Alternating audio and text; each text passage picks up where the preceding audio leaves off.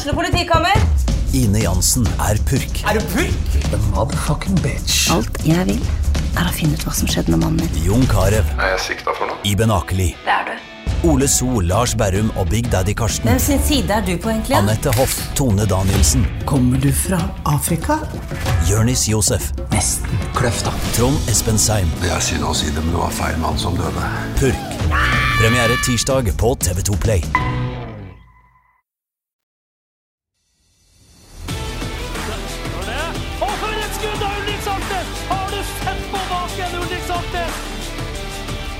Så er det skåring, og så skårer Bodø-Glimt.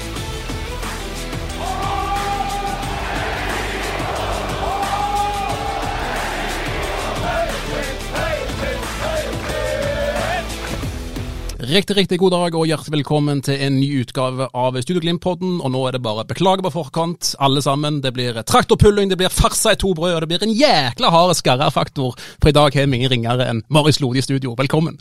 Tusen takk for det. For en intro. Åh, Det er ikke mange ganger det har vært to jærbuer i dette studioet her. Det er aldri, faktisk. Ja, det, det vil jeg tro er ganske sjeldent. Ja. Så, men med de tingene du ramser opp der, så vil jeg jo tro at det kan bli en god pod. Det er traktorpulling. Har du hørt om det, Freddy? Nei, og eh, jeg skjønner egentlig ikke hva jeg gjør her. Etter denne introen. Jeg skal bare gå. Jeg ble eh, rosa fordi jeg fikk med meg litt eh, balansering men en eh, ruller, og ikke bare skarrer her i studio. Så du får prøve å balansere oss litt, Freddy. Jeg skal prøve etter beste evne, men traktorpulling det har jeg trua på dere begge to. En eller annen merkelig grunn uten at jeg vet hva det er. Det blir nok litt tema om Jæren, det kommer vi ikke unna. Vi skal selvfølgelig snakke om Marius sin karriere så langt, og hvordan sesongen har vært. Vi skal snakke om Rosenborg, og så har det kommet en del artige spørsmål på Twitter òg, så det her kan bli en meget hyggelig episode. Heng med. Og for et skudd av Ulrik Saltnes! Har du sett på baken, Ulrik Saltnes? Mitt navn er Kjetil Rakkenes Anda. Rakkenes Anda, litt eh, ekstra skarre her der. Du, det har um, eh, vært ferie for dere nå, Marius, eh, lenge siden sist kamp, og så er det Rosenborg nå til helga. Hvordan, hvordan har du brukt ferien, og hvor godt har det vært? Det var veldig fint. Eh, Jeg fikk en eh, 30-årsgave av eh, min kjære fru i, eh, tidligere i mars, og den fikk jeg endelig innkassert. Det var en eh, overraskelsestur til København. Så da fikk vi et par fine dager i København, og jeg har aldri vært der før, så det var veldig fint å få sett byen og fått vært oss to litt der og slapp litt av, og ikke bare være oppe i fotballen hele veien. Hvor godt gjør det egentlig? At det er jo en meget travel sommer og travel høst, og hvor godt er det med sånn avbrekk innimellom der?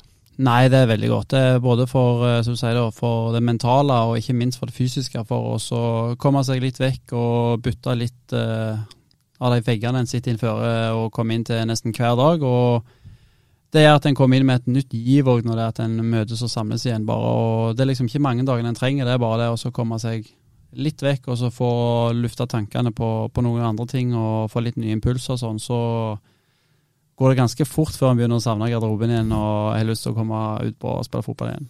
Dere har jo begynt å få smaken på det der. Det har blitt en rutine hvert eneste år at høsten og vinteren er alltid knalltravel. Begynner dere å bli vant til det nå, eller er det fortsatt ganske krevende å stå oppi det? Nei, altså klart det er jo fortsatt ganske krevende, for det blir jo en del kamper. Men uh, det er jo klart det er jo en, eh, en ting en blir mer vant med. Begynner å få litt mer rutine om hvordan det fungerer, hvordan en skal forberede seg. og den største forskjellen er kanskje ikke at en får den eh, energiutmattelsen etter kampene. Sant? Du kan få en litt sånn utlada følelse av det etter du har gjort en, en, kamp i Europa eller noe sånt, som gjør at eh, det kan se ut som om det er vanskelig å motivere seg til søndagen noen ganger for å spille kampene, men det pleier jo ikke å være det det står på, det er jo mer det mentale etter en har vært ute og spilt. Men eh, jeg føler meg mye bedre på, på det å omstille og være klar igjen til hver eneste kamp. Og Freddy Glimt er klar for nok et gruppespill i Europa, men vi vet jo, og tallenes tale er jo at i serien så har det gått ganske dårlig eh, nå i det siste. Hvor, hvor godt tror du det, det gjør Glimt-troppen nå med det avbrekket de har hatt? Nei, det gjør selvfølgelig godt, og jeg syns det er artig. Jeg er jo så heldig å få en og annen snap fra noen av de her spillerne når de er ute. Og jeg ser jo at selv om Marius Lode og eh, fruen er på Fruen spiller jo tidligere eliteseriehåndball osv., så, videre, og så, videre. så jeg ser jo at de er leken når de er på tur i nye byer. Det er konkurranse også der, og jeg ser at Marius Lode han pleier å jukse når Vilde treffer mye på disse kastøvelsene de står og koser seg med i sola i, i København. Så selv om de tar en pause fra garderoben, så er det konkurranseinstinkt på mange av de når de også er på ferie. Så er det jo en, eh, en kamp, som sagt, eh, på søndag mot Rosenborg. Eh, hva er det du kan, er det noe i troppen nå, eller er det noe med treningshverdagen nå som indikerer at nå skal dere få reist kjerringa i serien iallfall, og, og begynne å prestere på det nivået som er vant til å se Glimt på? Ja, jeg håper jo det. Altså, altså jeg syns det har vært veldig små nyanser i mange av kampene at, uh, som har gjort at uh, det er klart vi må være ærlige med oss selv at vi ikke har vært helt på det nivået som vi ønsker, men samtidig så har det vært mange kamper der jeg føler at det, ikke, det er ikke mye som skal til for at vi bryter enda mer gjennom og skårer mer, eller at vi det er liksom det siste lille udyktige som har vært i avgjørende situasjoner andre veien òg, eh, bakgjennom, som har gjort at vi har sluppet inn litt for enkle mål.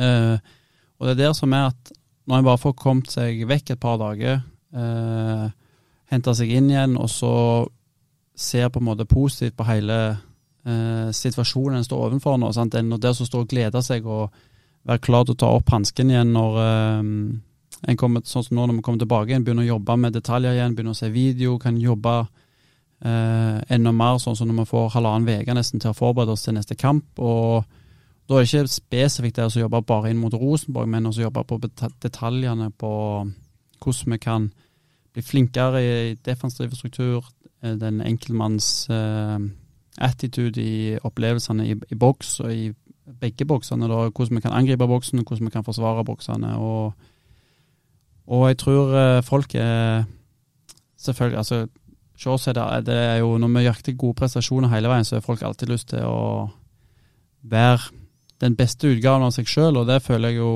eh, Selv om det ikke har gått like godt, og sånn, så har vi jo alltid jobbet sånn som vi vet vi kan, eh, og vi bør. Og så må vi bare skru opp et par knepp på, på nesten alle parametere, så har vi alltid trua på at det skal gå. Marius og Kodi får ikke vel seg så veldig mye kanskje av det som eh, diskuteres om og rundt klubben, eh, Freddy. Men det gjør vi som jobber i mediebransjen. og Det er jo ikke til å stikke under stol at uh, midtstopperne har jo fått uh, en del kritikk, men det er kanskje ikke så enkelt å bare legge skylda på de? Nei, det er ikke det. og det som er så, Men det må på en måte Glimt eh, og spillerne må på en måte tåle litt den der kritikken som er Det er jo veldig mye sosiale medier da. Og, og, det er klart det er veldig uvanlig. For altså Bodø-Glimt eh, kommer bakpå på Hamar for å ta den kampen, som egentlig fortsatt irriterer meg. Men det fine er at den irriterer jo også Glimt-spillerne og trenerne like mye. Det men altså, det er jo to mål som kommer ut av ingenting. Eh, plutselig ligger under 2-0, og så er det spill mot ett mål eh, resten av første omgang. Og det er for meg fortsatt ei gåte hvordan ikke Glimt klarer å skåre mål. Men så, så, kommer det jo 19 minutter fra øverste hylle hvor Bodø-Glimt skårer fire mål i andre omgang. Og det som er så forunderlig, det er jo det når Bodø-Glimt dominerer så til de grader, hvordan går det an? Å slippe inn to mål på stillinga 4-2. Det er det som er litt sånn der nytt og litt sånn annerledes å ta inn over seg. Vi kan òg ta eh, tapet for Viking, som et vikinglag som viser seg å være ganske bra. De har, eh, hadde ti seire på rad før det kom en uavgjort mot Vålerenga. Men altså, det er jo tre baklengsmål Bodø-Glimt slipper inn der som jeg vet de har studert. De begynner diskusjonene på hva de gjør feil på flyplassen på vei hjem samme dag som den kampen er spilt. Det er så steike lett å luke bort de feilene de gjør som, som enda i baklengsmål. Så det, det, det, er jo summen, det her, at det er for lett å score på Bodø-Glimt. Det er ikke bare de midtstopperne uh, som er involvert. Det er keeper, det er sidebacker, det er midtbanespillere, det er òg spisser. Angrepsspillere som setter inn press eller ikke setter inn press. Så det er helhet. Det er utrolig komplekst bilde. Og, og, uh, men de jobber med det, og det er betryggende å se. Og jeg håper akkurat nå forventninger til søndag. Jeg vet ikke hva jeg skal tro, men jeg ser det jobbes knallhardt med detaljene eh, hver dag nå. Så får vi se. Og Det er jo eh, straks utsolgt på Lerkendal, Marius, i, i, i skrivende stund. og Glimt-supporterne møter opp i hopetall igjen. Hvordan ser du fram mot eh, kampen på søndag? Nei, Det er klart det er alltid gøy å komme til, til Lerkendal. og det er en kul stadion å spille på. Det, og de siste årene har òg uh, Bodø-Glimt-supporterne klart å skape et veldig godt liv på, på stadion. Og å komme på en sånn stadion, hvis vi kan farge den gul og få så mange supportere som det er, det er meldt å komme, så kan det bli uh, en veldig kjekk affære på, på søndagen, tror jeg. Ja, så er det. Vi snakker Jeg hadde et intervju med Ulrik Saltnes her som jeg tror ikke det er publisert ennå, men, men, han slår jo fast, og det her mener han. Altså Rosenborg er, er, har det største navnet i norsk fotball, det skal jo ingen være i tvil om. Det jeg syns er litt artig, jeg hadde gleden av å være på uh, Lerkendal i storhetstida til Rosenborg, og, og, og stappfullt hus, og hele Norge heia på osv. osv. i diverse europacuper, og de har herja. Men jeg tror ikke Lerkendal Lerkendal var fullsatt forrige gang Bodø-Glimt kom på besøk, og Rosenborg var heldig og snudde 1-2 til seier 3-2 takket være Kasper Tengstedt og Carlo Holse. Ingen av de spiller på søndag. Da var det fullsatt på Lerkendal og ei ellevill stemning. Det Hele Trondheim rista og dirra. Den stemninga har ikke vært i Trondheim siden sist gang Bodø-Glimt var på besøk. Og det som jeg syns er så skøy, det er at det ligger an til en ny festaften i Trondheim. Eh, ett år senere. Og da er det samme lag som kommer på besøk, så jeg lurer jo på om det er Bodø-Glimt-trønderne kommer for å se, eller om det er Det har nå vært en del hjemmekamper siden sist gang eh, Bodø-Glimt var på besøk, og det har jo ikke vært fullt. Så det er fantastisk at 1500 Glimt-supportere er på vei, og det er fantastisk at trønderne fyller Lerkendal, som det kan se ut som. Og så syns jeg det er interessant at det er Bodø-Glimt som er motstander når Lerkendal blir fylt. Bare ta det akkurat nå. Det var litt eh, spontant av Marius, men akkurat det vi sitter og prater nå, så kommer det push-varsler fra Jærbladet om at det er innbrudd på Bryne stadion. Ja vel. Det kan vi ikke ha noe av. Nei, det kan vi ikke ha noe av. Det må har noe papir etter Erling Haaland de er på vei til å prøve å stjele, så at de kan få seg noe informasjon der. Det må det være. Jeg kan bare si at de gamle eh, Brynedraktene til Marius Lode de ligger ikke på stadion, de henger oppe på gutterommet til Freddy Thoresen. Så to stykk, faktisk. De er godt oppbevart. Har du noen gamle Brynedrakter sjøl fra andre spillere fra den tida du var supporter? Jeg har Rangvald i hjemme. Ja. Eh, for det var jo Altså, han er jo fra Frøyland, eh, samme plass som meg, og var midtstopper sjøl. Og har på en måte vært forbildet mitt. da, så det når uh, jeg var liten, så hadde jeg ei brynedrakt med Zuma bakpå, så det er den uh, jeg husker best. Ikke noe Erling Braud eller Dejan Paulovic eller Det har jeg ikke hatt, nei. Det, men uh, det er jo klart, en burde jo nesten ha sikra seg ei av Erling sine drakter når ja. han var der i Bryne på den tida. Ja, det er klart. Min eh, fineste konfirmasjonsgave det var signert Bryne-drakt med hele A-troppen. Den har jeg ennå. Veldig glad i den. Du, eh, Apropos Bryne, så må jeg ta Det er ikke favoritthistoria mi, men eh, jeg var så Bodø-Glimt på, på Jæren, og de leda 2-0 før kampen var kommet i gang, og jeg var på jobb. og vår salige sjef Bjørn Lund, som lærte meg opp som sportsjournalist, han var oppe i Sulis og, og hans, eh, han, han, eh, fikk noe sånn hjertetrøbbel noen år etterpå og havna hos legen. Og, og, legen lurte på om det hadde skjedd noe dramatisk i livet hans. Eh, nei, men jo. Han hadde kjørt inn i tunnelen på vei hjem fra Sulis. Eh, og på vei inn i tunnelen leda Bodø-Glimt 3-2. Uh, og når han kom ut av tunnelen, så hadde Bryne vunnet 4-3. Det var det mest dramatiske han skulle komme på. Og det Grunnen til at jeg tar frem den historien, var at jeg mener Dejan Paulovic skåra et av de der målene. Og, uh, ja. ja. Ja, det, var, tider. det var gode tider. altså. Jeg tror dessverre ikke vi har så veldig mange lyttere som bryr seg om Bryne og Jæren, men vi har eh, lyttere som eh, bryr seg veldig om Lode og, og Glimt. Og vi har eh, spurt dere lyttere på Twitter eh, i forkant av denne innspillingen her om dere har noen spørsmål til, til Marius når første her. og Det um, har det kommet inn masse av. Vi kan ta litt om Rosenborg når vi først er inne på det. Alt mulig og alt er mulig, spør Marius. Har dere studert hvordan Tromsø valser over Rosenborg? Kan de ta lærdom av hvordan å gå mer inn i kroppen på spillere som Nypan setter de helt ut av kampen. Virker som at Glimt løper mye ved siden av angripende spillere, der dere kanskje kunne gått inn i duell. Enig eller uenig?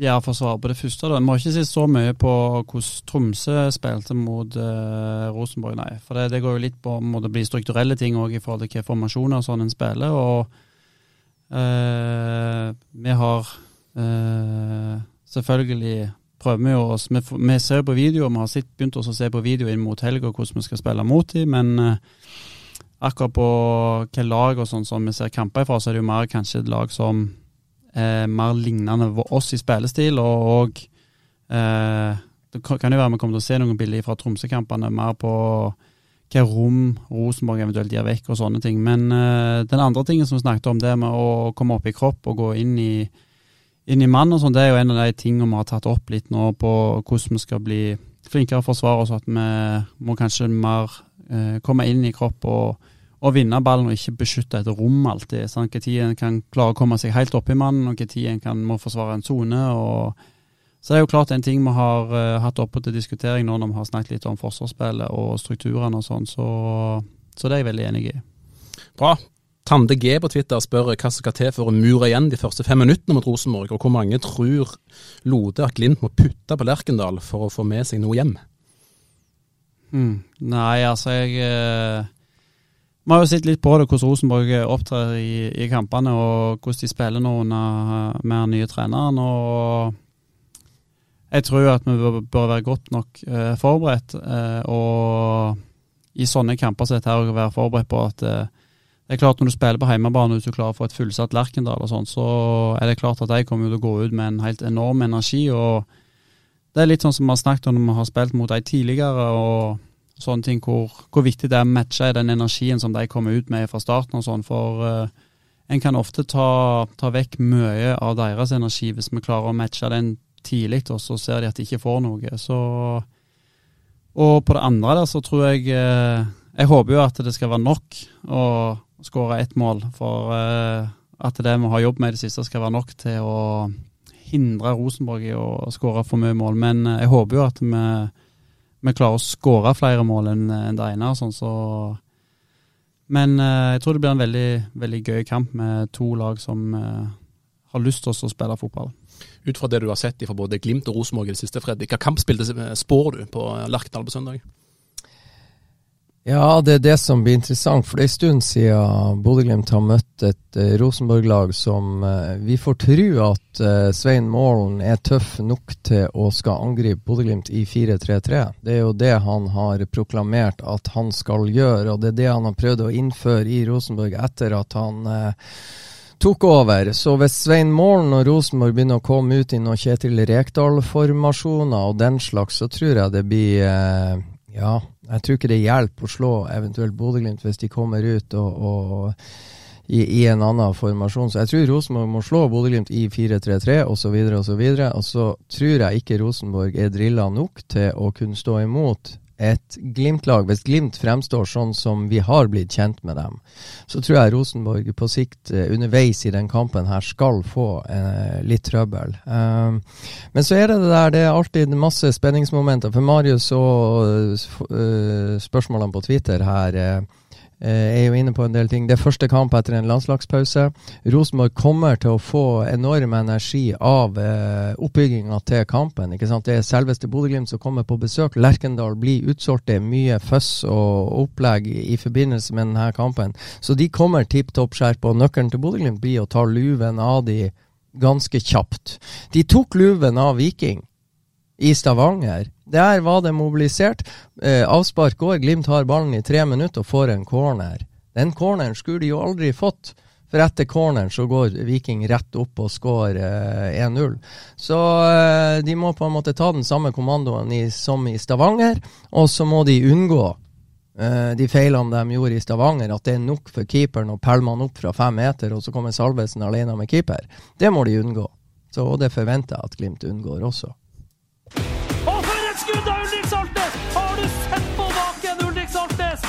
Da lar vi Rosenborg være Rosenborg for nå, så får vi komme tilbake på mandag med en ny episode om hvordan det gikk der. Det skal bli veldig spennende å se. Vi må snakke litt mer om eh, sesongen din, Marius, og eh, hvordan du har det nå etter tilbakekomsten fra Tyskland. Det er Vi kan se vi som følger Glimt tett, og at du har fått mindre spilletid nå. Det er andre som har blitt foretrukket på stoppeplass foran deg. Hvordan har det vært, eh, først og fremst? Nei, det er klart. Eh, som fotballspiller så vil du alltid spille fotball. og Det er jo en konkurransesituasjon vi er i når vi har eh, kommet opp på det nivået vi, vi leverer på nå, og der vi har veldig gode spillere i mange posisjoner som utfordrer hverandre hele veien. og Det er selvfølgelig aldri gøy å ikke være foretrukken og få spille så mye som en, som en har lyst, men en må jo bare komme på trening bygge seg opp måte, den energien en kan. og bygge opp og utfordre de som er foran deg, sånn at de blir bedre, jeg blir bedre. Sånn at uh, vi kan hele veien pushe det nivået så høyt som mulig til å både bygge opp enkeltindivider, men ikke minst uh, laget, da. Um, så fikk jeg jo spille en del uh, innledende og eh, fram til, til, sommeren, og da har det vært selvfølgelig både prestasjoner som har vært uh, utslagsgivende på, i noen kamper, og så er det òg vært litt sånn kroppslig som har gjort at jeg ikke har eh, vært vurdert til å kunne få lov til å spille nok kamper heller, som har gjort at eh, jeg har hatt lyst, men eh, har egentlig ikke fått eh, lov av medisinsk og sånn òg i tillegg. Hva slags kroppslige ting går det på? Nei, det har vært eh, Jeg har gått og jakta på en måte og følt at kroppen ikke har vært helt der han bør være. og um, snakket jo med vår lege i, tidligere i april-mai, og da fikk jeg tatt noen eh, blodprøver som viser at jeg var litt lav på jern. Uh, og fikk uh, Der de kom innom dagen etterpå på treningen og tok nye blodprøver for å se. Og så at, hadde, at jeg hadde begynt å gå ned litt i, i jernnivå. Og det gjorde jo at jeg fikk noe jerntilskudd og sånn, og begynte å føle at det funka, og tenkte at nå var det good. Eh, og så fortsette mai og juni å gå. og Jeg følte meg egentlig bare slappere og slappere og slappere. Og begynte å tenke at eh, det var jeg Kjente at jeg var stiv i leggene og stiv i musklene og trøtt og sliten og følte seg helt klar til å fokusere. og eh, var rett og slett trøtt. Jeg kom hjem fra trening og sånn og har pleid også å gå og besøke et par av kompisene mine, enten på jobb og så ta en kopp kaffe og prøve å snakke litt. men uh, har egentlig ikke hatt helt energien til det, som er Ut ifra de som kjenner meg, vet veldig godt at det er veldig ulikt meg, da, og ikke ha liksom det, for at normalt sett er det sånn når jeg kommer hjem, så er det at de har lyst til å gå og slappe av, og at jeg kommer mest til å irritere fordi at jeg har lyst til å finne på noe. Men um, så jeg var hjemme i Stavanger og reiste innom en fysioterapeut, og så var jeg tenkt om det var leggene og musklene mine var noe problem med, og det var ryggen min som gjorde at eh, for jeg hadde sleit litt med hamstringene og med leggene.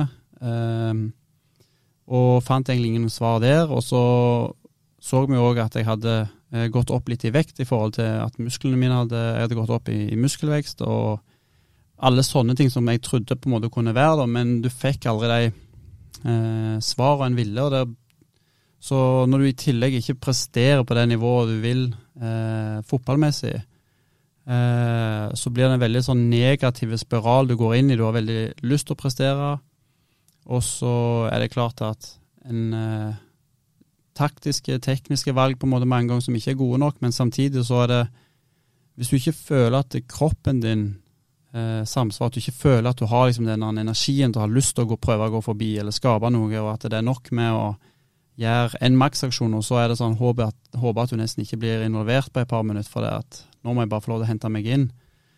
Uh, Var det så ille? Ja, altså jeg, jeg husker veldig godt sånn kampen hjemme mot Molde òg, eh, der det kom et par lange baller bak mot Brynhildsen, og så må jeg Brede springe. Og så får vi tak i ballen, og så går vi opp igjen, og så mister man igjen, og så blir det tilbake igjen, og så kommer du halsende opp igjen, og så får du ballen, og så skal du prøve å skape noe. Og så blir det nesten sånn du tenker bare sånn hold ballen ute på høyre side, for det at nå må jeg bare få et, et minutt og få igjen pusten skikkelig. For at du begynner å bli så tung, liksom, du begynner å bli sliten at du føler ikke du har det overskuddet til For det er jo det som er litt krevende i den spillestilen vi har, at du skal jo være tilgjengelig, du skal opp og ned, du skal være flink på offensiv markering, du skal ta ut de rette rom, og du skal forsvare rom, samtidig som en skal være veldig truende og eh, flytte ballen fort nok. Og borte mot HamKam i, i cupen så måtte jeg av etter 60 minutter. Da hadde jeg kramper i legg og i hamstring og i forside lår. og Jeg husker jeg var på randen til at jeg gråt når jeg kom, og så satt meg på sida av legen og sa at jeg, jeg, vet ikke hva det er, liksom. At nå kroppen min fungerer ikke. Jeg kan ikke skjønne hvorfor jeg skal være så sliten. For nå har jeg vendt på nesten hver stein. Jeg har blitt enda flinkere på søvn eh, prøver å få en søvnrutine. Jeg har blitt flinkere på kosthold for å se om det kan være det som gjør det.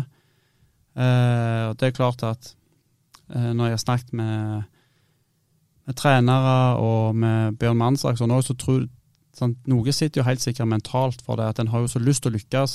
Eh, og så blir en frustrert når en ikke får det til, og så merker en jo på en måte at folk er misfornøyde rundt, på en måte, og da har liksom iallfall lyst nesten å motbevise deg òg at eh, du fortsatt har det.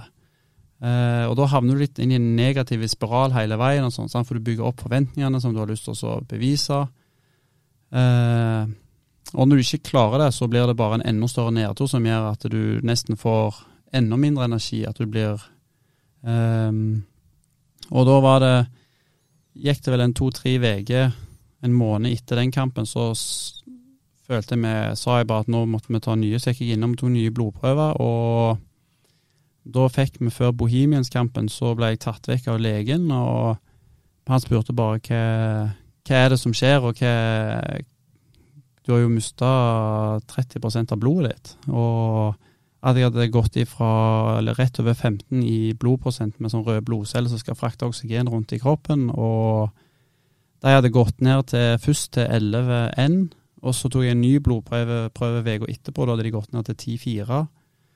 Og sånn som jeg forsto det på legen, da, så er det ofte at en blir sykemeldt hvis en kommer under 11, 11 i hva en kan kalle i en eh, en normal arbeidshverdag, så kan, kan, du få sykemelding hvis du er under 11, for eh, energinivået ditt og slitasjen og sånn vil være enda større. og hos oss er det jo det sånn da at eh, folk kommer inn nye i klubben og sier ofte, av og til hvor tøft og hvor hardt vi trener. og når du har, føler at du ikke helt strekker til og du har lyst til å trene nesten enda hardere for å komme opp på et nivå der du føler at jeg skal være fysisk robust i hvert fall til å takle dette, her, mens det du egentlig gjør, at du bygger bare kroppen enda mer ned. Um, har jo slått veldig negativt ut for, for, min del, da. Og det gjorde jo at jeg uh, Det er jo egentlig litt sånn tabubelagt òg, for det at uh, folk tør veldig sjelden å snakke om, om, ting som de syns er litt sånn ekkelt, eller som hvis du vet at du kan ha eh, et eller annet som gjør det. For min del så handla det om at jeg hadde begynt å få en del, eller fått litt blod eh, når jeg gikk på do under avføring. Eh, og da blir du selvfølgelig bekymra når du hører hvordan alle tingene blir, eh, om blodverdiene dine har gått ned, du du, jeg hadde var oppblåst i magen og hadde hatt blod i avføring. Og sant, du gjorde jo sånn alt du leste, liksom testa kunne det være en hemoroide, så fant du liksom ikke ut at det var noe hemoroider. Og da blir du litt sånn Er det liksom noe farlig? Og det gjorde jo at når vi fikk svar på den første blodprøven på hvor langt jeg hadde gått ned i, i blodprosent, og at jernnivåene mine var såpass lave, så gjorde det at eh, jeg òg sa bare at vet du hva, det, jeg har hatt blodavføring, jeg har ikke tort å si det fordi jeg har vært så bekymra for at, eh, at, det kan være noe. Og det gjorde at det ble satt det er jo det medisinske apparatet var helt fantastiske på, og legen, når de, de var tok tak i det med en gang, på en måte, var jo litt sånn det er viktig at du sier sånn sett her til oss, for hadde det vært et eller annet Hvis jeg skulle vise seg være noe alvorlig, så er det jo alltid bedre å ta det med en gang. Um, og når jeg fikk, da fikk jeg tatt Jeg måtte ta sånn Hva det heter det? Gastroskopi ja, og, og koloskopi. Ja, og det er jo litt sånn ubehagelig. Du tar et kamera og trør ned gjennom halsen. Det er lettere ubehagelig, ikke bare for fotballspillere, for uh, ganske mange.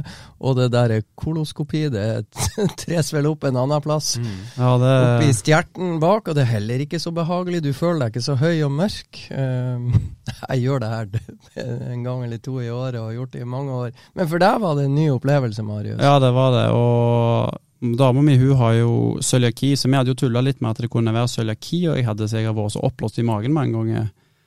Eh, og hun har jo fortalt historier om hvor forbanna irriterende og vondt dette var med denne her å svelge denne her slangen. Og når hun hørte jeg skulle svelge slangen, så var det sånn Nei, du vet, Marius, det er faktisk ikke så gale. Mm. Jeg bare, du kan ikke komme med til meg med det nå, når du har gått her i fem-seks år og sagt hvor drit det. Men eh, jeg fikk jo beskjed av legen òg, etter jeg hadde tatt den han, eh, det er gastroskopien som er nedi halsen. Ja, gastroskopi i halsen.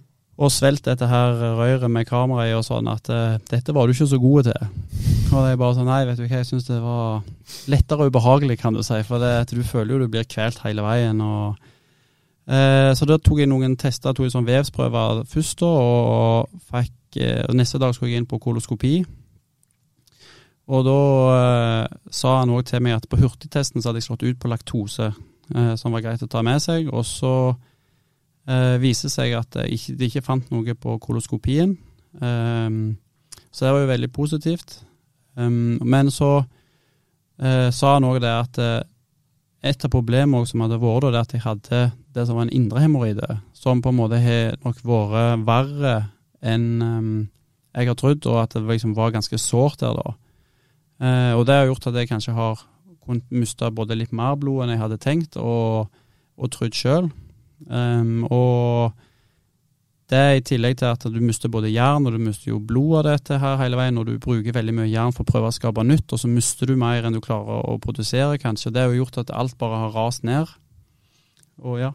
Ja, I denne prosessen så regner jeg med én ting å stå i prosessen og gjennomføre disse undersøkelsene. Det, det, skjer jo på kort tid. Jeg regner med du har en viss frykt for hva dette kan være ja, underveis? Det, ja, ja, helt klart. Og det var jo det, nesten det verste. For før jeg skulle ta koloskopien, så var det jo nesten sånn Du blir jo Google-doktor når du har et par sånne symptomer og sånn, og du hadde gått inn og sett. og det var jo nesten sånn Jeg ser jo på legen vår òg, på en måte, som pleier liksom å være nesten, Du kan nesten, sant, du får liksom en sånn følelse av til hvordan det er med, med legen, og sånn, hvordan, eh, om han òg frykter at det er noe, eller om at han tenker at dette, liksom, dette går fint. Eh, og når du ikke får et helt klart svar, og han òg er litt bekymra. Ja, for det ser du. Dere jobber så tett på hverandre. Altså, det er noe med blikket der som ikke er helt til å kjenne igjen. Ja, sant. Ja. Og, da får du den at har jeg rett, liksom, er det sånn han òg tror liksom at det kan være. For da var jeg jo sikker på at jeg hadde tarmkreft på en eller annen måte. Og det er liksom sånn Når du føler deg så frisk og rask alltid, og så plutselig så er det sånn at du begynner å frykte på at du kan ha noe ganske alvorlig. Eh, så er det jo klart at det har tappa mye mer energi på en måte òg enn eh, enn jeg kanskje har trodd og tort å innrømme for meg sjøl òg. For det at du skal jo av og til være litt sånn tøff og ikke på en måte Du skal prøve å holde deg til de tingene som du gjør stort sett i hverdagen. Og så er jo du så dum at du går og googler litt ja, og ja, ja, sammenligner litt, og så finner du vel ut at uh, det er der du har etter ei stund her leita etter treff, så plutselig så begynner du å få de her treffene. Men det er på feil forklaring. Altså, det er Du krysser av for tarmkreft, ikke ja, sant? Ja, det er det. Og det er jo, jeg vil tro, litt eh, skummelt. Ja, veldig skummelt. Og det var jo sånn både for meg og for samboeren min eh, var det jo sånn når, var, når jeg hadde hatt den uh, siste koloskopien der jeg var liksom mest redd iallfall for vi skulle finne noe, så så blir du selvfølgelig på en måte utveksla noen tårer, og sånn, for at du har liksom klart å bygge deg opp nesten et litt sånn forsvar der du har tenkt at det kommer til å gå fint, men du går liksom og frykter det hele veien. Og når du endelig nesten får det svaret på at det, det ser ikke ut som det er noe alvorlig her, iallfall, så får du en, ja, en litt, liten reaksjon av det, da. Og det er jo selvfølgelig en veldig god reaksjon, men uh, det er jo litt sånn en begynner jo å tenke på hvorfor den ikke var tidligere ute med det og sånn, men det er jo litt som jeg begynte med at det er litt sånn tabubelagt å snakke om, om, skumle ting og ting på en måte som er Sånn jeg fant ut at jeg hadde en indre hemoroide, og så var det sånn til å begynne med, så syns jeg det var sånn nesten flaut å si det til venner og sånn her òg, for at en tenker jo at du skal jo ikke ha det, og hvorfor har du det? Og så når du får høre at det kan skje med alle, liksom, det kan liksom bare komme ut av ingenting. Eh, og da fikk jeg hatt CT etterpå for å finne ut at det ikke var noe galt ellers med lungene og noe annet og sånn, som gjorde at blodverdiene var sånn som de var. Og fikk ha måttet ta ultralyd av magen og tarmer, eller ja, magesekken og blæra, og alt dette her for å se om de finner noe. Og alt viser seg egentlig til å være OK. Og Eh, men så er det jo dette her med at jeg har slått ut på den her eh, hurtigtesten på laktose òg. Og laktose, eller melk generelt, er jo med på å hemme eh, jernopptak, fikk jeg høre. Um, og det er jo klart at kanskje en grunn til at, jeg gjort at jeg har gått enda mindre ned i jern og ikke klart å ta opp nok jern til å produsere eh, røde blodceller, er jo at vi har fått begynt å få sjokomelk, altså litergode. Før hadde vi en proteinshake kanskje, men nå har vi fått eh, litergode etter kampene. Og det er jo Jeg er jo av den typen at når det står et glass klart til deg der, så er det jo veldig godt med sjokomelk. Så det blir jo ikke ett eller to glass, det blir jo tre eller mer, alt etter hvor mange som er igjen når det er et par får forsynt seg. Og hvis det står en kartong fortsatt her, så fyller en jo på glasset sitt litt til. Eh, og det er jo klart at i en periode etter en kamp eller en hard trening når du skal eh, Kroppen skal bruke hjernen og ta opp jern, eh, og så har du fulgt på med en ting som gjør at du hemmer jernopptak, og i tillegg så er tarmene dine irriterte som en del av eh, laktosen. Så altså, du frykter at du har fått tarmkreft, og alt skyldes at du har bælma i deg for mye Litago god etter trening og kamp. Hæ? Ja, Det er nesten det en skulle tro at alt ligger i, vet du. sant? Så det er jo Var det så enkelt? Nei, så det er jo Men det er jo Det er nå en liten forklaring på Men, altså, men, men hva slags diagnose har dere nå landa på? For det, tarmkreft var det ikke, det regna vi med var Mm. en veldig hyggelig beskjed å få. Men hva er forklaringa på at kroppen har vært i ulage? Nei, det, det er jo den eh, at den hemoroiden, den indre hemoroiden har nok blødd mer enn jeg har trodd og eh, følt sjøl, da. Eh, samtidig som at eh, jernnivåene mine har eh, blitt Ikke klart å komme seg opp så fort som de burde på grunn av når du trener hardt og du skal bruke jernet til å produsere nytt, og sånn her, så blir det en ond spiral der du aldri får tatt opp nok. Og det gjør at og når du blør ut fortere enn du klarer å fylle på. Så det er nesten sånn at den indre hemoroiden og at det har vært laktoseintoleranse har gjort til eh, at kroppen min har stupt ganske fort, og at jeg ikke har vært ærlig nok da med, med legen og sånn underveis. da.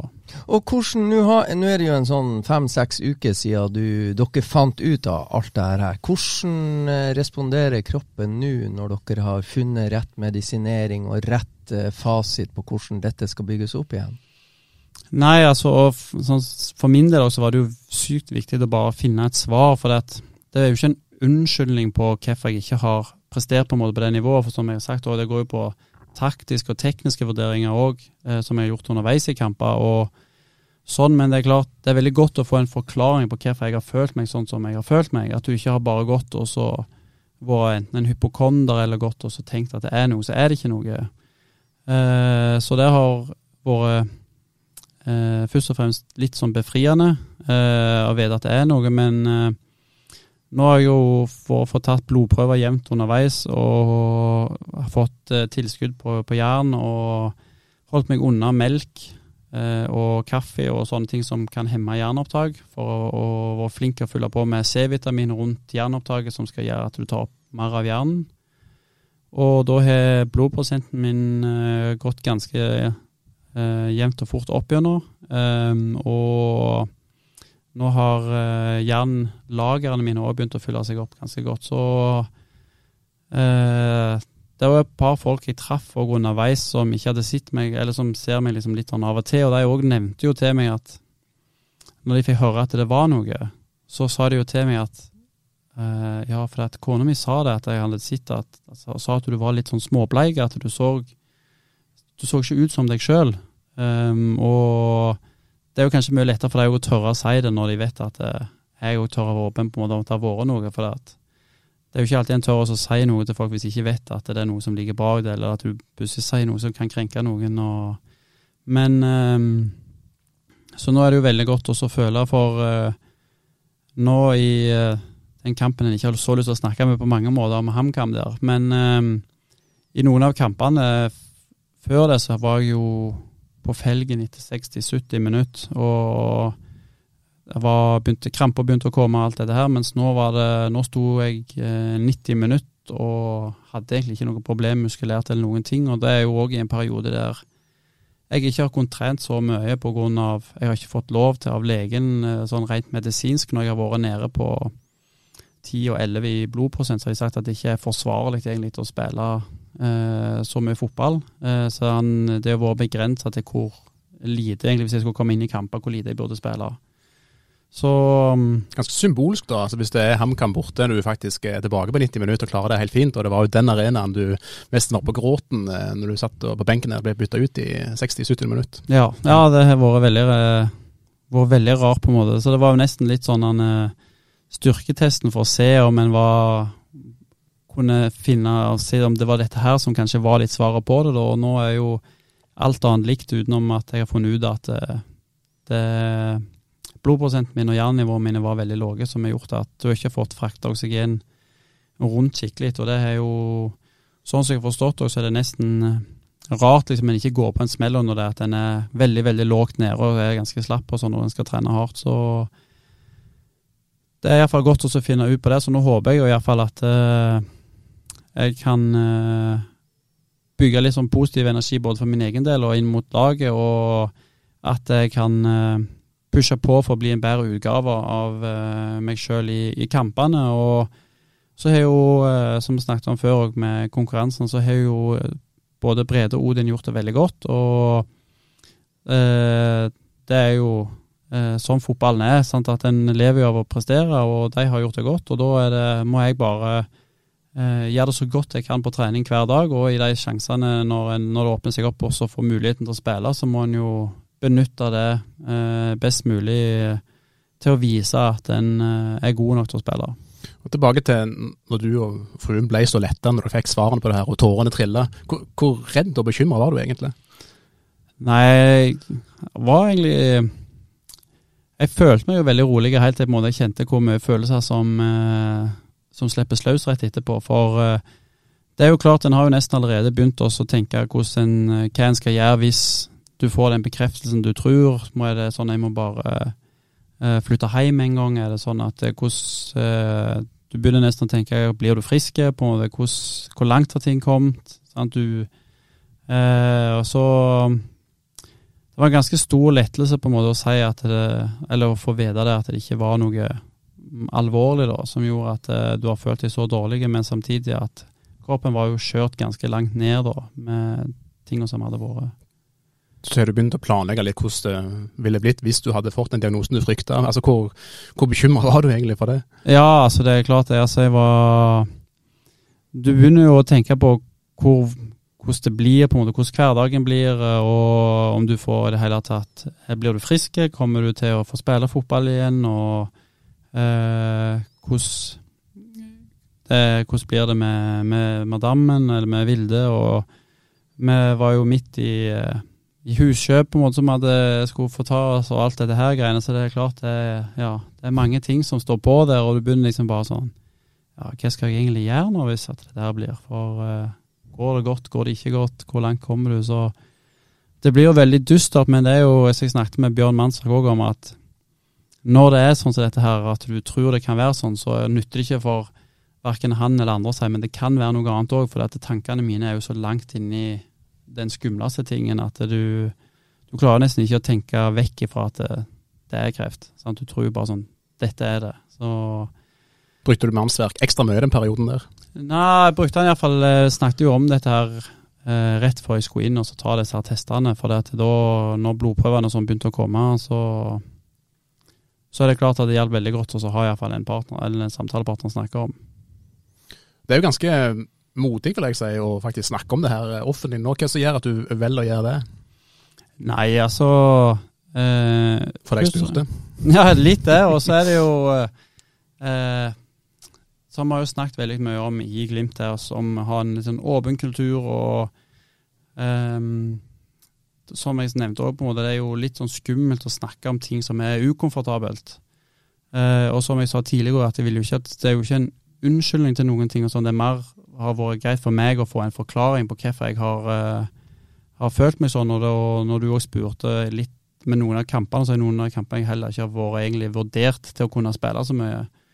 Eh, ikke at jeg skal ta, ta ifra noe fra det som jeg sa òg, for jeg syns jo de som har spilt, har gjort det veldig godt. Og det er jo veldig gode spillere, så Men um, det er jo klart det, det setter ting av til litt i perspektiv og sånn når en står oppi det. og da hvis jeg kan på en måte få noen som er litt sånn redde for å tørre å gå og sjekke seg, eller tørre å snakke om ting av og til, hvorfor de har det som de har det, og sånn, så håper jeg jo på å kunne være med at, uh, og hjelpe om det og sånn. For, for, min del så er det jo sånn som jeg har hørt tidligere, så tenkte jeg at uh, som med hemoroider sånn, der var det sånn du fikk når du ble veldig mye eldre og alt dette her greiene. Men uh, når jeg ikke klarte å finne ut sjøl at jeg hadde det før jeg på en måte var inne og tok et kamera som kom langt opp, så så kan det jo være noe som skjuler seg av og til før at andre skal ta og diagnotisere seg sjøl veldig sånn skummelt.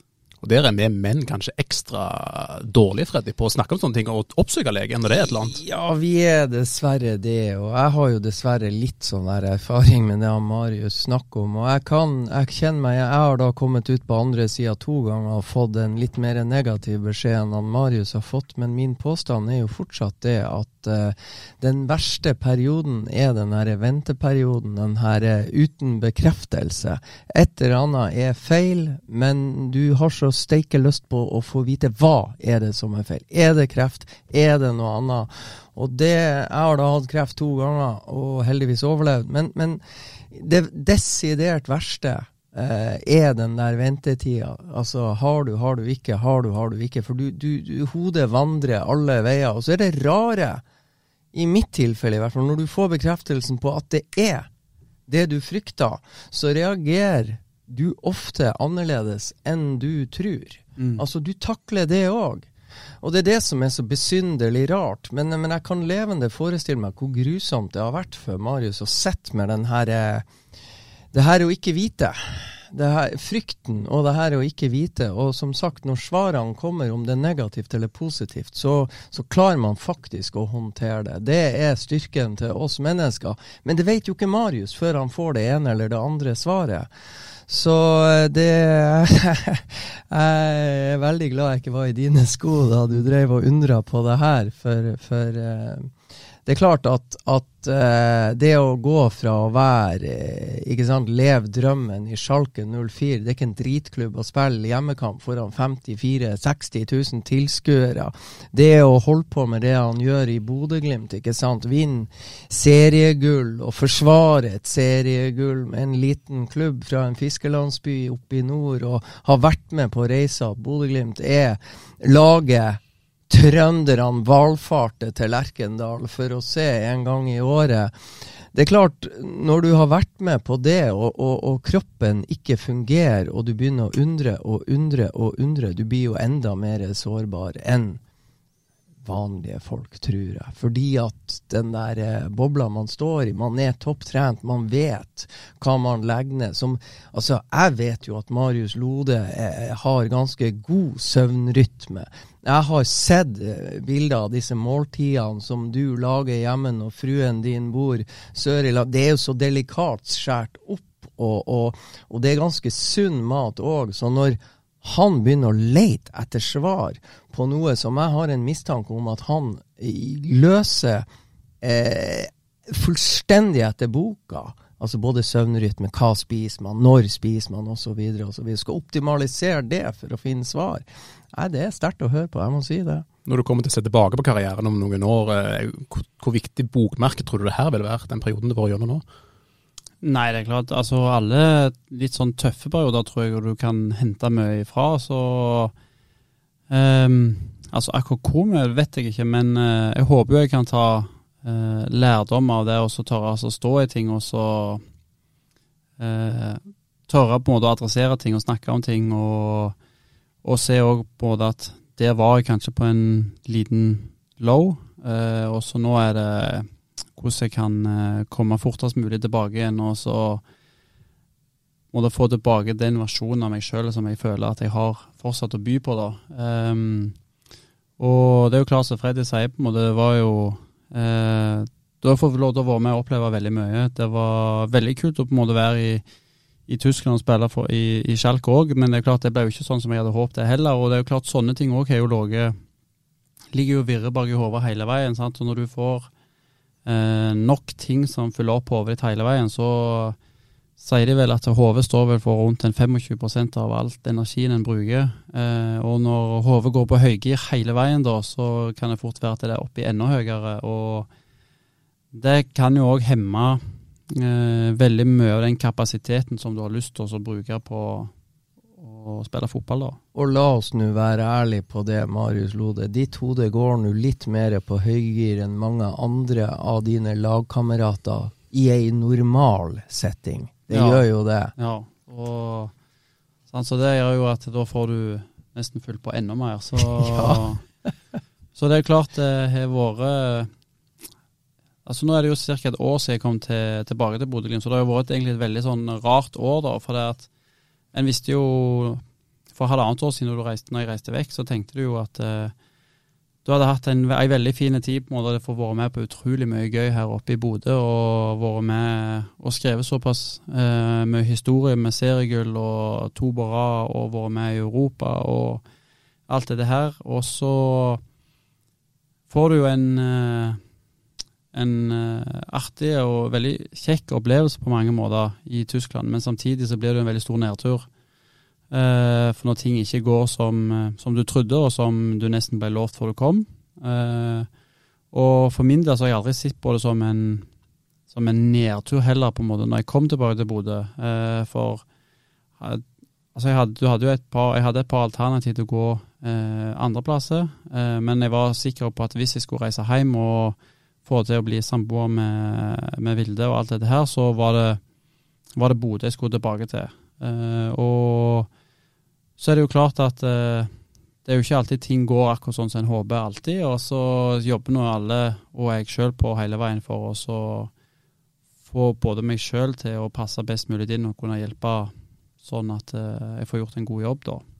Går det an å si noe hva andre tilbud som var der når du gikk tilbake til Bodø-Glimt? Ja, jeg hadde nede i uh, Kypros så hadde jeg uh, tilbud i Apoel Limassol og Nik Apoel Nikosia. Det ene laget som United spilte mot i Europaligaen i fjor. Mm. Bare skitlaget, og så har han et jævlig bra tilbud fra Molde. Mm. Ja. Dobbelt så bra som det du fikk i Bodø-Glimt. Ja, så leser en jo på en måte, jeg har fått med meg på en måte det at folk sier liksom hva eventyrlige lønninger som du har blitt eh, tilbudt. Det er jo klart på en måte lønnsnivået i Bodø har jo gått opp, men det er klart, hadde jeg gått til Molde, så hadde jeg på en måte hatt en del mer enn jeg har, har her nå. og det er jo ikke noe Ryktene sier dobbelt så mye. Ja, det Men eh, men hvert fall Det har i hvert fall vært sånn at hvis jeg var ganske klar på at Og det er ikke til noe forkleinelse for Molde sin del, men det er noe mer at jeg var ganske klar på og tydelig sjøl at hvis jeg skulle tilbake og spille fotball her i Norge, så ville jeg tilbake til, til Bodø, for det er en by jeg trives veldig godt i, og eh, har allerede et ganske godt nettverk her, samtidig som eh, det spiller fotball igjen som, som, appellerer veldig til meg, og har et trenerteam og et lag og nå en organisasjon som er veldig har alltid lyst til å bli bedre og ta nye steg. Det er liksom, du er aldri fornøyd med du klarer å nyte litt tingenes tilstand, men du har alltid lyst til å ta enda mer steg. Hvor aktuelt var Molde? Nei, det er klart jeg må jo vurdere det. sant, når det, det ble snakk om eh, Det ble jo eh, gode lønninger, og det er jo en god klubb det òg, som lå veldig godt an. Men eh, som sagt, at jeg visste at hvis jeg skulle til Norge, så var det ikke bare økonomien som var eh, Da la jeg på en måte litt vekk den økonomiske aspektet og sånn, for eh, jeg hadde, var i snakk med Grøningen i Nederland og med Makabi Haifa eh, spesielt, og var med Antalyaspor nede i Tyrkia, som var Og, og der er jo lønning, lønningsnivået blir jo en del høyere. Så når jeg først skulle hjem, så visste jeg jo på en måte at økonomien blir ikke det som blir det viktigste. Så lenge du får et eh, økonomisk tilbud som, som er greit ut ifra hva du blir forespeilet andreplasser, så vil du gå litt på uh, ja, litt slekt der. Du, Hvor lang kontrakt har du med Bodø-Glimt? Jeg er litt usikker på når den går ut, faktisk. om det er, Jeg har jo med opsjon på ett år, så jeg tror det er ut 26. Ja, noe sånt. Ut 2026. Er det ikke deilig å tenke på da? Vi sitter i 2023. Endelig har du fått eh, svarene du trenger på hva, eh, hvordan, eh, hvorfor har kroppen din vært sånn som den har vært. Nå kan du begynne å bygge den opp. Nå kan du begynne å og eh, vise verden den eh, Marius Lode som i sin tid dro til fra Bodø-Glimt. Det må jo være inspirerende og motiverende så det holder, det. Og jeg tenker du skal få lov å svare, men hvis Marius finner tilbake her, da blir, da blir jo høsten bra, tror du ikke det, Kjetil? Da ryker Odin eller Brede ut med en gang. Nei, det vet jeg ikke, men de andre lagene må jo bare begynne å, å frykte. Men hva du tenker om det, du? Nei, helt klart. Altså, det er sånn jeg har snakket litt med Bjørn om, fordi at jeg har liksom Du jakter alltid, og så må det bli der du var før da, kanskje. sant? Og så er det jo ting har, ting har endret seg, så jeg må jeg har prøvd å endre fokuset på at jeg ikke skal um, bli Mariussen som jeg var før, men heller liksom fortsette sånn det med det jeg har nå, da iallfall klare å komme meg opp på et nivå. Og da kommer jo de tingene som var tidligere, timinga med ballen, drivet med ballen og den evnen til å forsvare rom bak en, sant, at nå er det sånn um, ble konfrontert med Freddy og Stian og i det intervjuet når vi hadde angående forsvarsspillet, at jeg hadde blitt så enormt treig. Og det er jo tallens tale òg. Hvis folk har lyst til å se, så kan de jo spørre Ørjan, men at toppfarten vi ligger jo ca. på det samme. og alt det der, Men det går jo mer på, på timing og at du er eh, Ikke sant, i forkant usikker. av Ja. situasjoner. Sant? At du har liksom ikke helt den timingen og den sjøltilliten til å på en måte å bruke når den blir litt nølende da, og havner litt bakpå, så ser du på en måte plutselig tregere ut. Så Ørjan Nygaard, fysisk trener i Glimt, han har tall på at du er ikke noe tregere nå enn det du var for to år siden. Nei. Nei. Det Altså, ja, kan men jo du, du sa det jo sjøl, den der ene løpeduellen i cupen mot Viking, eh, hvor du sjøl ser deg sjøl på video, og du påstår at du sprenger som det ser ut som du har et spett i ræva. mm, Det er jo dine ord, faktisk, på klingende jærbu. Eh, så du har jo på en måte reagert på det sjøl. Ja ja, helt klart. Det jo Det ser eh, tåpelig eh, ut i forhold til hvordan det gjorde, eh, men toppfarta er den samme. Det er jo Mm. det som er så. Og da fant vi jo, da hadde jeg faktisk Da var det et problem på en måte både med, med ryggen og med hamstringen som gjorde at jeg på en måte sprang litt som ei kråke òg, og da fikk vi heldigvis funnet ut litt av det nå. Så nå springer jeg jo heldigvis sånn at det ser litt finere ut enn at jeg springer gampe på Du springer fot. sånn som det er naturlig for deg å springe. Ja, Ja, du vet, Jærbu har alltid litt sånn spesielle springteknikk. Det vet vi jo fra andre stjerner fra Jæren. det er jo det. det Vi skal bare innrømme, Kjetil, at det her tok en annen vending enn vi helt forutså. Det ble i dybden på sterke ting, eh, det må jeg si. Men, men altså, nå må nu, det være ganske sånn artig for deg å gå inn i en høst vel vitende. Du har fått alle svarene, du får den rette medisineringa. Det må være utrolig inspirerende for deg å ta tak i de neste ti seriekampene og seks fete europacupeventyr for den høsten som kommer. Ja, veldig. Eh, så nå Det var det som var liksom nesten litt godt med å få de fridagene som kom òg. For at da hadde du fått spille den ene kampen, og så ble det jo ikke helt sånn som en hadde håpet på en måte skulle ta ferie og føle at en hadde kommet veldig godt ut av med en god seier der og alt sånn. Men samtidig så var det veldig mye som var bra i kampen. Og så fikk en kanskje landa litt med alt det av følelser og alt som har vært de siste ukene. Og nå gleder jeg meg bare veldig da til å ha, være i angrepsposisjon til både for egen del og jeg tror laget òg nå får en veldig spennende høst. Jeg må også spørre, jeg har sett en del av treningen denne uka. Ser du god ut på trening?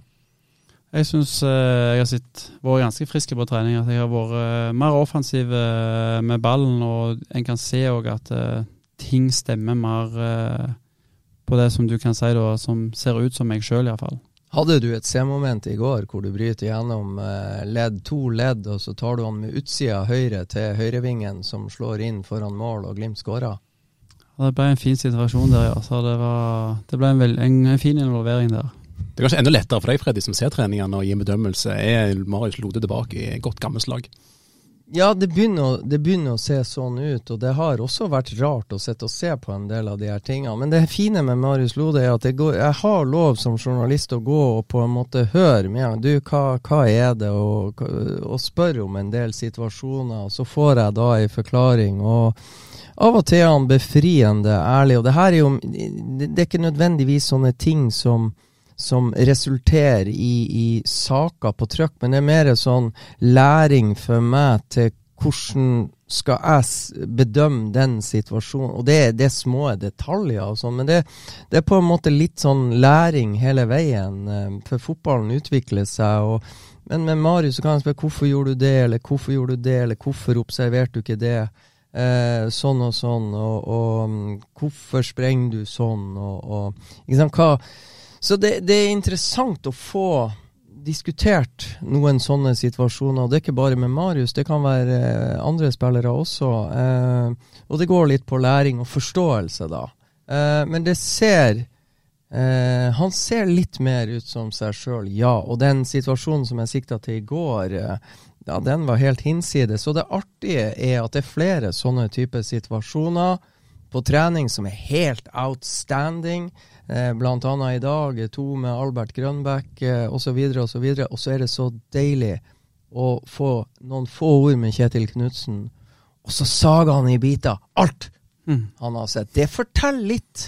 For det sitter ganske mange og ser på trening og syns det er et enormt tempo og intensitet i det de ser, og, og bla, bla, bla. Så kommer treneren opp, og han er ikke fornøyd med en drit.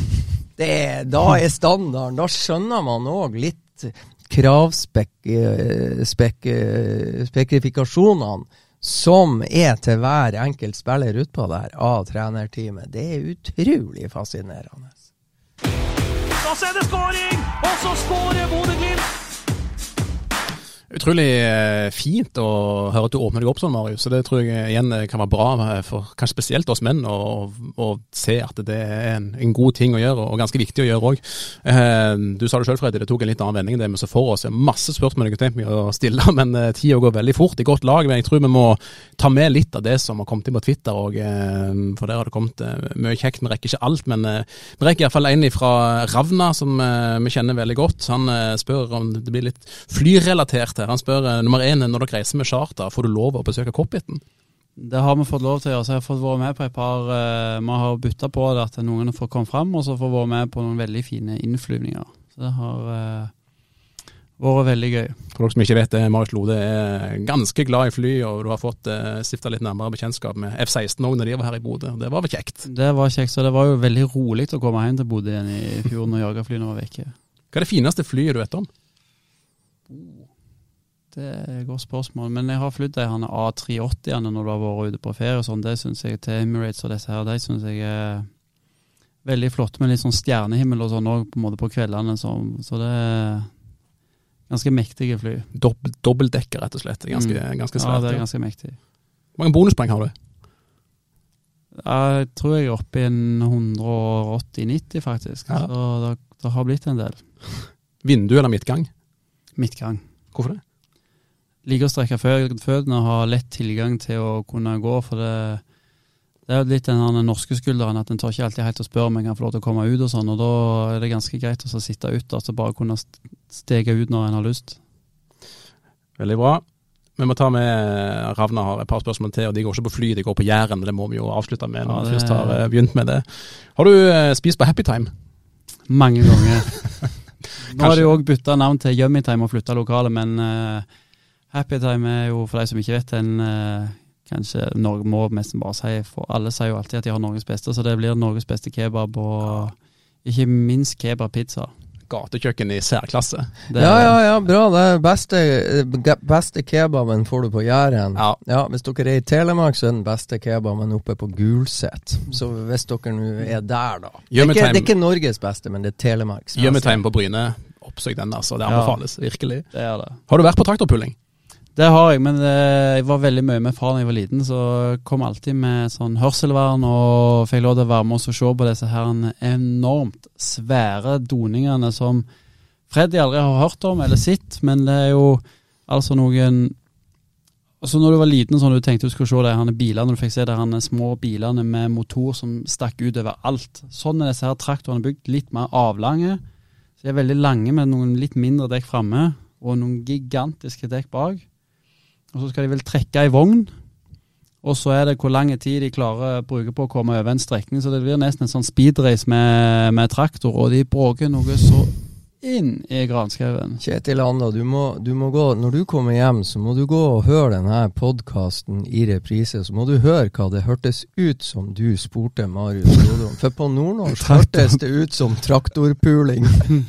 Jeg tror ikke du er først til å tenke den referansen der. Nei, det er ikke det, men det er faktisk Kjempeartig! Det er erkejærsk. Virkelig erkejærsk. Og jeg visste ikke det var det. Altså, sånn, jeg tenkte sånn, Når folk ikke hadde hørt om traktorpulling, tenkte jeg bare sånn Men det er jo dritrått å se på. Det er, sånn, det er jo alle ungers drøm å gå og se på. En ja.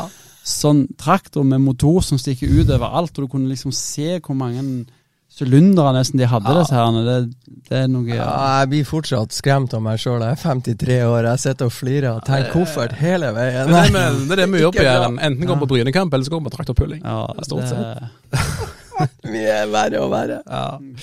Eh, hvem har, Vi rekker bitte litt til før vi begynner å runde av. Hvem har verst dialekt, Vigrest eller Portlist?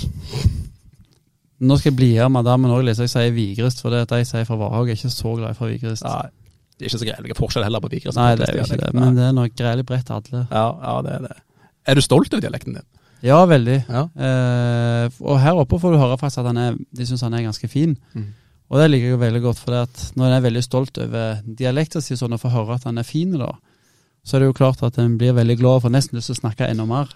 Skal jeg si det, Marius, den tilbakemeldingen får ikke jeg. Gjør ikke det, nei? nei? Stikk motsatt. Så jeg har prøvd å faktisk gjøre den litt finere. Så jeg vet ikke om det har noe med personen å gjøre, eller dialekten å gjøre. Ja, det er nyanser, Ja. og i, i tonefall og stemme og så videre og så videre. Som, så, så, sånn er det bare. Og kanskje kan man drive med i som yrke. Ja, sikkert Ja. også. Eh, det er klart, altså, ha, Marius Lode har to seriegull i Bodø-Glimt, og det, det høres jo bra ut uansett. Jeg tror Marius Lode har tilført Bodø mer enn det Kjetil Lande har. Men det, er godt, min det er godt at vi har gode jærbuer her oppe. Ja, det må Men vi ha. eh, det er litt sånn, altså når jeg flytter opp her òg, sånn, så er det En tar nesten for gitt at folk skal skjønne ordene dine òg. Og det er litt sånn at jeg merka når første gang jeg sa at noe smakte ringt, så sa de sånn Hva, hva du sa nå? At det smakte ringt? Og da tok jeg meg sjøl i at jeg faktisk sleit med å finne et ord som skulle forklare ok, hva, hva bruker dere? Det er jo bare sånn det smakte dårlig. Mhm. Men jeg var liksom ikke forberedt på at folk ikke skulle forstå det med en gang jeg flyttet opp her. Så et par ord har jeg jo måttet eh, Og der, der tror jeg du er flink, og det der tror jeg er noe i en fotballgarderobe. Du er flink til å finne ut hvilke ord kan du bruke, og hvilke ord må du endre. Og så høres det ut som en normal jærbu-dialekt, men det er en del ting du ikke sier, Mm. tror jeg. Det er helt sant. Marius, det har vært en sann glede å ha eh, besøk av deg her. Er det noe du vil legge til sjøl før vi runder av? Ja, altså en ting, for at vi var jo, eh, når vi spilte mot Viking, så var det jo eh, Jeg hadde jo håpet det skulle bli en sånn gledens ting og gledens sak og sånn, for jeg har jo gått til Patrick og så snakket om det beste jeg vet, og det jeg sender han bilder hver gang jeg kommer hjem til Jæren, og det er jo farsa. Eller gullet på Jæren, nesten, kan jeg jo kalle det, for det er jo Det er så godt, og det er noe jeg gleder meg til å ha hver gang jeg kommer hjem. Og så har jeg snakket så mye om det til Patrick, og Patrick han er jo på dette her med det beste du kan få med bukser på, og han kan tegne, internasjonale tegn for farser. Eh, så jeg hadde jo fått fiksa eh, farsekongen hjemme. Hageruppen han eh, kom og leverte eh, en 30-40 farse til oss etter kampen mot Viking, sånn at hele laget skulle få, få smake farsa. Og det hadde jeg håpet på en måte at eh, hadde vi vunnet, og sånn, så kunne vi jo tatt et sånn kult bilde der alle satt og åt farsa og nøyd dette her, men eh, når det gikk sånn som det gjorde, så ble det litt kjipt hele greiene. For det at eh, en kan jo ikke sitte og smile og nyte ei god farse, og så legge det ut etterpå, og så se, for det, det passer seg ikke. Ehm, men eh, fikk god tilbakemelding på farsa, folk var glad i farsa, og jeg ser Freddy han sitter også litt sånn nesten litt uvitende her. Ja, hva er det? Her må du forklare. Farse. En slags kjøttpudding, kan du si. Ja, det er jo kjøttfarse. Altså det er slags Ja. pudding som Det ser ut som en pudding først, for det er sånn møkkkjøtt som er med krydder og alt dette her i, så er den ganske stor, nesten sånn her. Ja. Og så skjærer du den som regel i to, for du sier ei i to, Mm. og så sier du hva du skal ha på. Jeg har jo som regel Piffi og ketsjup. Ok. Hva Eh, andre ting kan eh, Du kan ha ost, du kan ha steikt løk, eh, du kan jo ha sprøløk. Eh, folk har begynt med sulta løk. Så du kan egentlig pynte den til sånn som du vil, men jeg vil tro de fleste har enten Piffi ost og, te og ketsjup. Og så har du eh, et slags brød, det som vi kaller for sirupskake, egentlig. Ja. Så du har oppå en slags eh, Det er ikke hamburgerbrød, men noe Det er et bollebrød Ja, som er egentlig. veldig mjukt og godt. og du, hvis, du, hvis du hadde fått farsa i et hamburgerbrød, så hadde det blitt feil. Ja. Så det er veldig sånn eh, Du kan nesten kalle det altså Jeg ser her kaller de av og til for det nesten er som et sånn lunsjkake eller lunsjbrød som du får eh, Ja, når jeg får høre det her, Marius Lode, og du har fått uh, kongeleverandøren på Jæren til å stille opp på Stavanger stadion med farse til hele gjengen, og så jeg skjønner ikke at det går an å tape den kampen. Nei, ikke heller. Det var, men det skal jo sies at fåtallet visste jo om at vi skulle få det etter, for du får det jo etter kampen. Sant? Ja, burde ha ikke- skjønt det. Burde ha skjønt det. at det Ja, var- det er jo det. Når du er hjemme på hjemlige strøk, så burde de skjønne at det kom til å komme Jeg forventer payback time på det der. En eller annen gang så blir det et bilde med hele Glimt-gjengen i farse, farsekos. eh, ja, gjerne på Aspmyra, så kan dere sende bildet sørover til Viking. Ja, det må nesten det. For eh, jeg må, kan gå og se på Farsekongen på, på Instagram. Han er nå Han reklamerer, proklamerer for Jæren og for å få fram eh, at farsa er det store. Og han la ut et bilde i hvert fall etter vi var der, sånn at han var fornøyd. i fall, For jeg didde han i Bodø-Glimt-drakt med Er det, er det lov å få smugla sånt ting nordover? Ja, det må jeg jo prøve å få til, sånn du òg kan få smake. Det er liksom bare kjipt, for at du må nesten ha de sånn ferske og gode òg, for de er ganske juicy når du Mm. spiser de, sant? Ah. At du kan nesten kjenne saften renne. Så det er jo Du får heller prøve å få til en reportasjetur eh, hjem til Jæren og se på traktorpulling og spise farse. Ja, det må du få til. Ja, det er. Skjønner. Bare få Bryne opp i divisjonene, så lar det seg gjøre. Da hjelper du på. Veldig bra. Tiden går sagt veldig fort i hyggelig selskap. Jeg vil si tusen takk igjen, Lode, for at du kom på besøk. Eh, Tusen takk, Freddy, for at eh, du kom, og takk ikke minst, kjære lytter, for at dere holdt ut eh, med oss med all jærpratet og farse og traktorpulling, og i det hele tatt. Takk for nå. Ha en riktig god dag videre.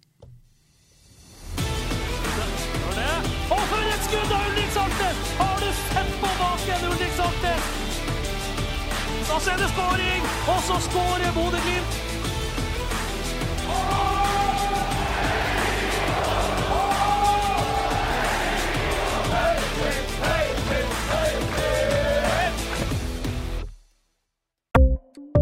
Ukens annonsør er HelloFresh. HelloFresh er verdens ledende matkasseleverandør og kan være redningen i en travel hverdag.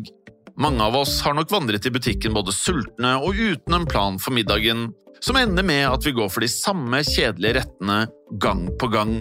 Middag burde være dagens høydepunkt. Som HelloFresh kan du nå velge mellom 25 ulike retter hver eneste uke, eller få HelloFresh til å sette sammen menyen for deg. Dette gir deg muligheten til å prøve nye og spennende retter alene eller sammen med familien. Du velger antall porsjoner og får alt levert på døren på et tidspunkt som passer for deg. Oppskriftene er enkle, og maten er lett å lage både for store og for små. Ved å få alt levert hjem får du også mer tid til å dele matgleden med familie og venner. Kanskje det frister med asiatiske tacos eller greskinspirert kylling? Da kan jeg anbefale deg om å gå inn på hellofresh.no. Her kan du bruke koden FOTBALL og få opptil 1779 kroner i rabatt på de første fem matkastene hvis du ikke har prøvd HelloFresh tidligere. Du kan også bruke rabatten hvis du har vært kunde og stoppet abonnementet ditt for tolv måneder siden eller lengre. Gå inn på hellofresh.no og bruk koden FOTBALL. Har du et enkeltpersonforetak eller en liten bedrift? Da er du sikkert lei av å høre meg snakke om hvor enkelt det er med kvitteringer og bilag i fiken, så vi eh, gir oss her, vi. Fordi vi liker enkelt. Fiken superenkelt regnskap.